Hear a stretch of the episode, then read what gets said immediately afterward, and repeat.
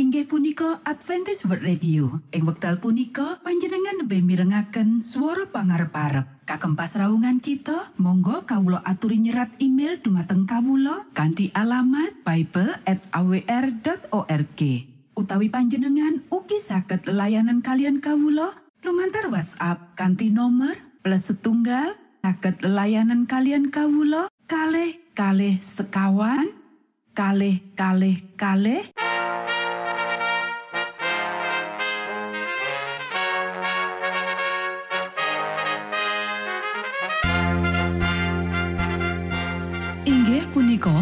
Adventist World Radio ingkang giaran kanti basa Jawi.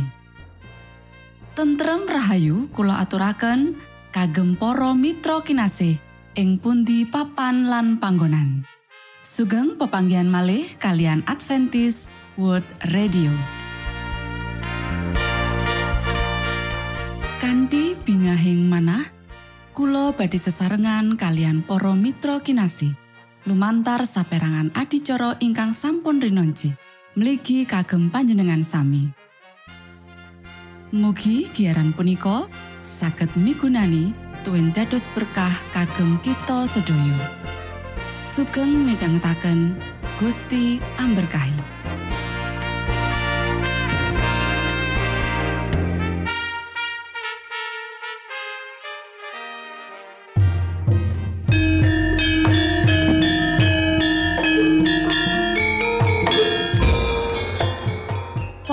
Para pamirsa kinasih ing Gusti Yesus Kristus.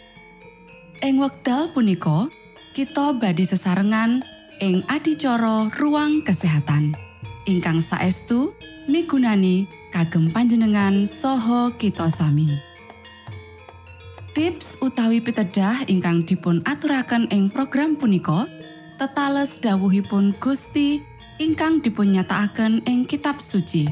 Semanten ugi sakehing seratan ingkang dipun wangsitaken dening Gusti Allah. Nanging saderengipun, monggo kita sami midhangetaken kidung pujian.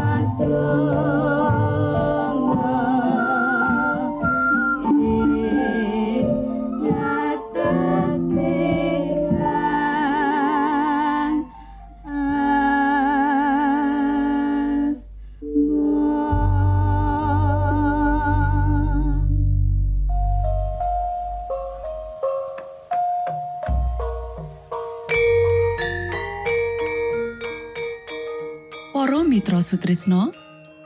Puji syukur dumateng Gusti ingkang murbeng dumati ingkang sampun kepareng paring wewenngan kagem kita. Satemah saged nglajengaken ruang kesehatan. Pirembakan kita semangke kanthi irah-irahan. Sawijining korban sing ora cacat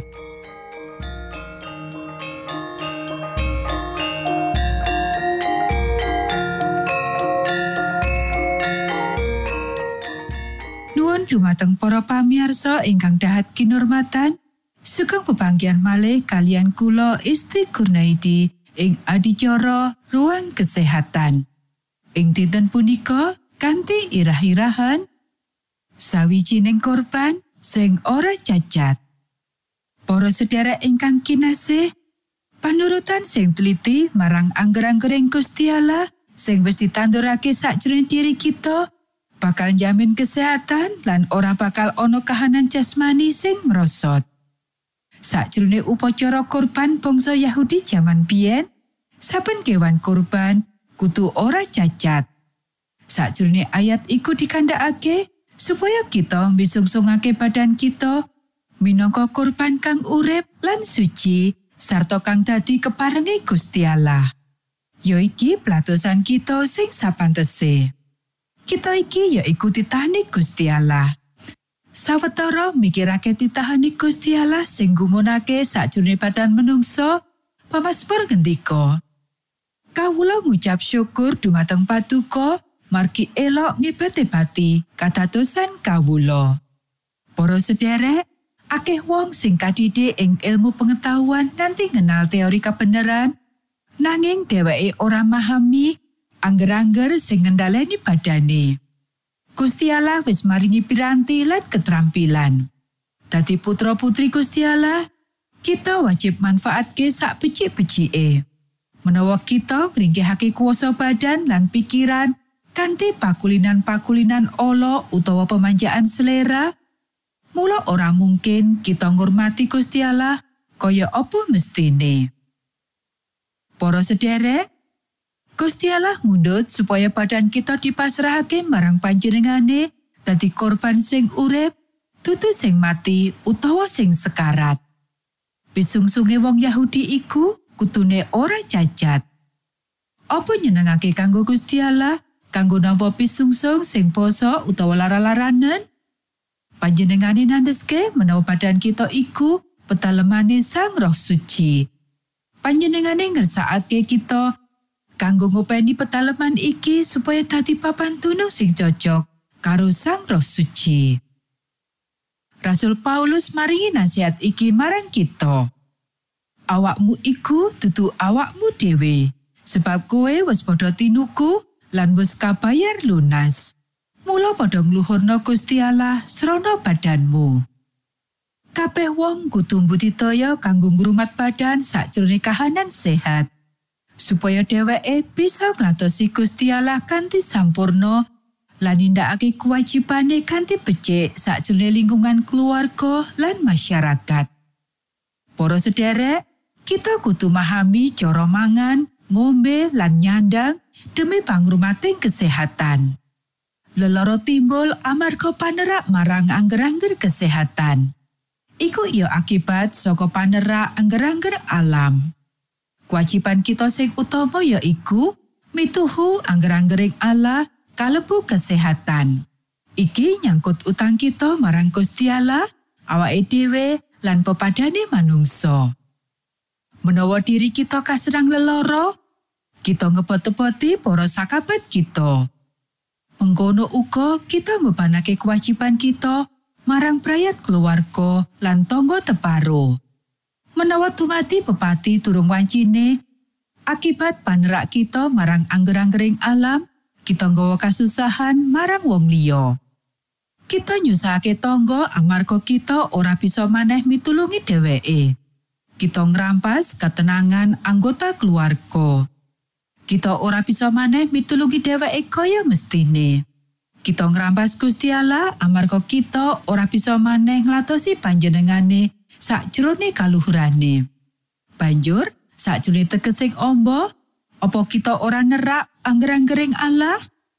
Para sederek, nanging Gusti Allah Maha Murah, welas asih lan lembah manah.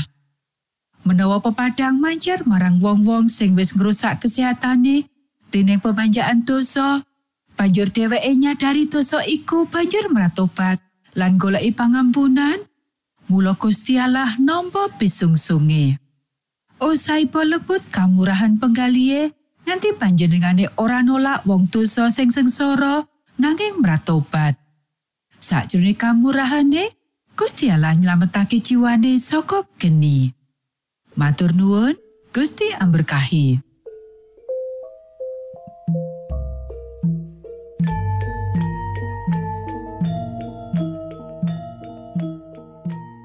Cekap semanten pimbakan ruang kesehatan ing episode dinten punika. Ugi sampun kuatos jalaran kita badhe pinanggih malih ing episode sak lajengipun.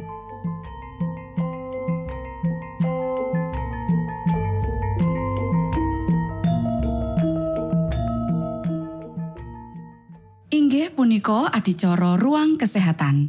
Menawi panjenengan gadah pitakenan utawi ngersakaken katerangan ingkang langkung, monggo kulo aturi. Kinton email dateng alamat ejcawr@ gmail.com utawi lumantar WhatsApp kanti nomor 025 pitu 00 songo songo papat 00 pitu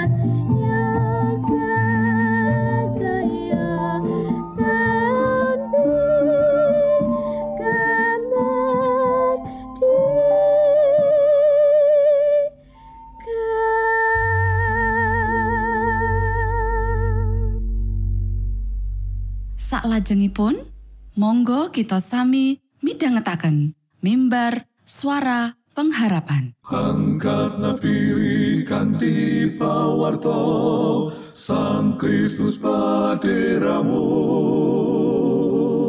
Pro umat samyo puji asmanyo Sang Kristus paderamu Inggih punika mimbar suara pengharapan.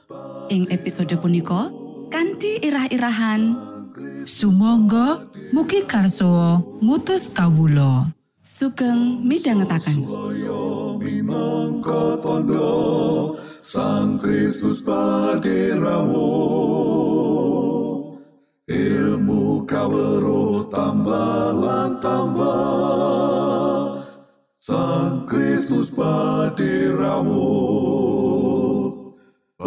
Paderamu Paderamu Sang Kristus paderamu Shalom para pamirsa ingkang kinasih wonten ing Gusti. Sakmenika kita badhe mitangetaken renungan Sabda pangandikanipun Gusti. Ing dinten punika kanthi irah-irahan sumangga mugi karso ngutus kawulo. Para sedherek ingkang kinasih, cerita Nabi Yunus ora mung tapi-tapi. Kasunyatan menawa Gusti Allah bisa nyelametake warganing kutha Niniwe, sanadyan Nabi Yunus ora duweni paseksi kang apik minangka pangeling-eling kang cetha banget. Menawa kita mung sadhermo dadi saluran berkah kanggo Gusti, siji-sijine pribadi kang bisa yakinake lan meratobatake ati. Iki minangka sawijining pangiling menawa Gusti Allah menggoleki para juru warta kang jumadang lan kanthi andhap asor manah kanggo nderek pitutuhipun. Para sederek monggo diwaca ing kitab Yesaya pasal 6 ayat 1 nganti 8. Ing sajroning taun setane Sang Prabu Usia aku sumurup, Pangeran lenggah ing dampar kang dhuwur lan munggul, tuwin poncoteng jubahe ngepeki pedalaman suci. Para serafim padha ngadeg ngubengi panjenengane, siji-sijine padha aswiwi enem, suwiwine loro kanggo nutupi raine, loro kanggo nutupi sikile, lan loro kanggo mabur. Iku padha nguwuh sesauran tembunge, suci, suci, suci, Pangeran Yehuwa, Gustining sarwa tumitah, saindenging bumi kebak ing kamulyane. Dasaring demple lawang padha gonjing marga saka swara panguwuh iku. Tuwin pedalaman mau banjur kepekan ing kukus. Aku nuli ngucap, "Bilai aku, aku tiwas, amarga aku iki wong kang alambe najis, sarta manggon ing satengahing bangsa kang najis lambene." Nanging mripatku wis ndeleng Sang Prabu yaiku Sang Yehuwa, Gustine sarwa tumitah. Nanging para serafim mau ana siji kang banjur mabur marani aku, tangane nyekel mawa, kang kajupuk nganggo sapit saka ing sandure mesbah. Mawa iku kasenggolake ing cangkemku kalawan pratela mangkene. Delengen, lah iki wis ngepok lambemu. Dadine kaluputanmu wis sirna, lan dosamu wis kaapura. Aku nuli krungu swaraning pangeran kang ngandika, Sopo kang bakal sun utus lan sopo kang gelem mangkat minangka utusaning sun? Aku banjur munjuk. Sumangga mugi karso ngutus kawulo. Para sederek ana patimbalan ing ayat iki.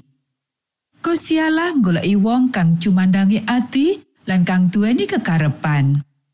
Kita bisa mangsuli patimbalane kanthi pasrah sumarah ing ngarsaning Gusti. Mitangetake dawuhe lan banjur nglakoni kanthi ngestokake apa kang dadi dawuhe marang kita.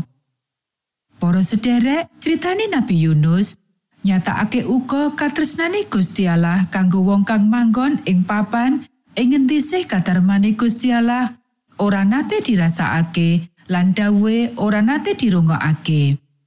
Podho kaya dene Gusti Allah kang nandhokake se palimirmo marang warga Niniwe, panjenengane uga nandhokake rasa se palimirmo marang mayuta manungsa ing salumahing jagat ing dina iki. Ing endi bangunan wis nganteni wit-witan lan kembang-kembang lan kisruh kang ora ana mandeke gawe wargane ora nate tentrem kanggo pitangetake. Mungguhe kutha Ninewe, Gusti Allah ngendika, "Kutha kang gedhe iku kang durung weruh bedane tangan tengen karo tangan kiwa." Yunus pasal papat ayat 11. Para sederek, Pangeran Yahua mbutuhake para juru warta kang gelem gawa pakabarani Gusti Allah babagan pangarep-arep marang wong-wong kang kabutan momotan akeh panggawean lan kasusahan panguripan. Nabi Yesaya krungu swara kang ngendika, "Sapa sing bakal lunga? Saiki apa kang dadi wangsulan sampean?" Kita sami tetunggo. Dorama kawula ingkang wonten ing swarga, asma patuko mugi kasucikaken. Kraton patuko mugi rawuh, karso patuko mugi kalampahan wonten ing bumi, kados dene wonten ing swarga. Kawula mugi kaparingan rejeki kawula sak cekapipun ing dinten punika. Soho patuko mugi ngapunten kalepatan kawula, kados dene kawula inggih ngapunteni tetiang ingkang kalepatan dateng kawulo. Punapa dene kawulo mugi sampun ngantos katantukaken dateng ing panggoda, nanging mugi sami patuko uwalaken saking piawon. Awit dene patuko ingkang kagungan kraton, saha wisesa tuwin kamulyan salami laminipun. Amin.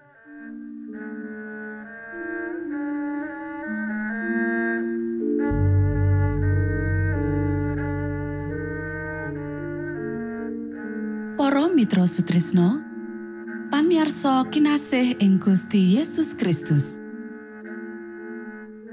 Sampun paripurno pasamuan kita ing dinten punika. Menawi panjenengan gadah pitakenan utawi ngersaakan seri pelajaran Alkitab suara nubuatan Monggo Kulo aturi kintun email dateng alamat ejcawr at gmail.com utawi lumantar WhatsApp kanti nomor 025 pitu 00 songo songo papat 00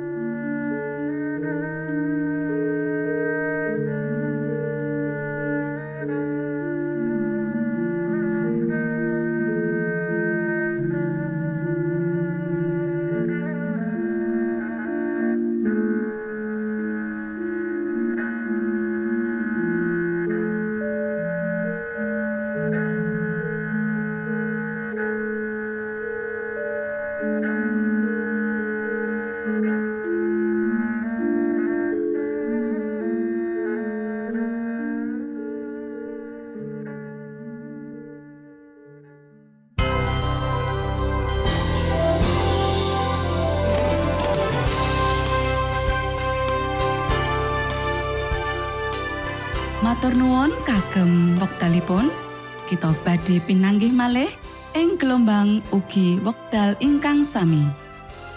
Saking studio kula ngaturaken tentrem rahayu. Gusti amberkahi kita sedaya. Maranata.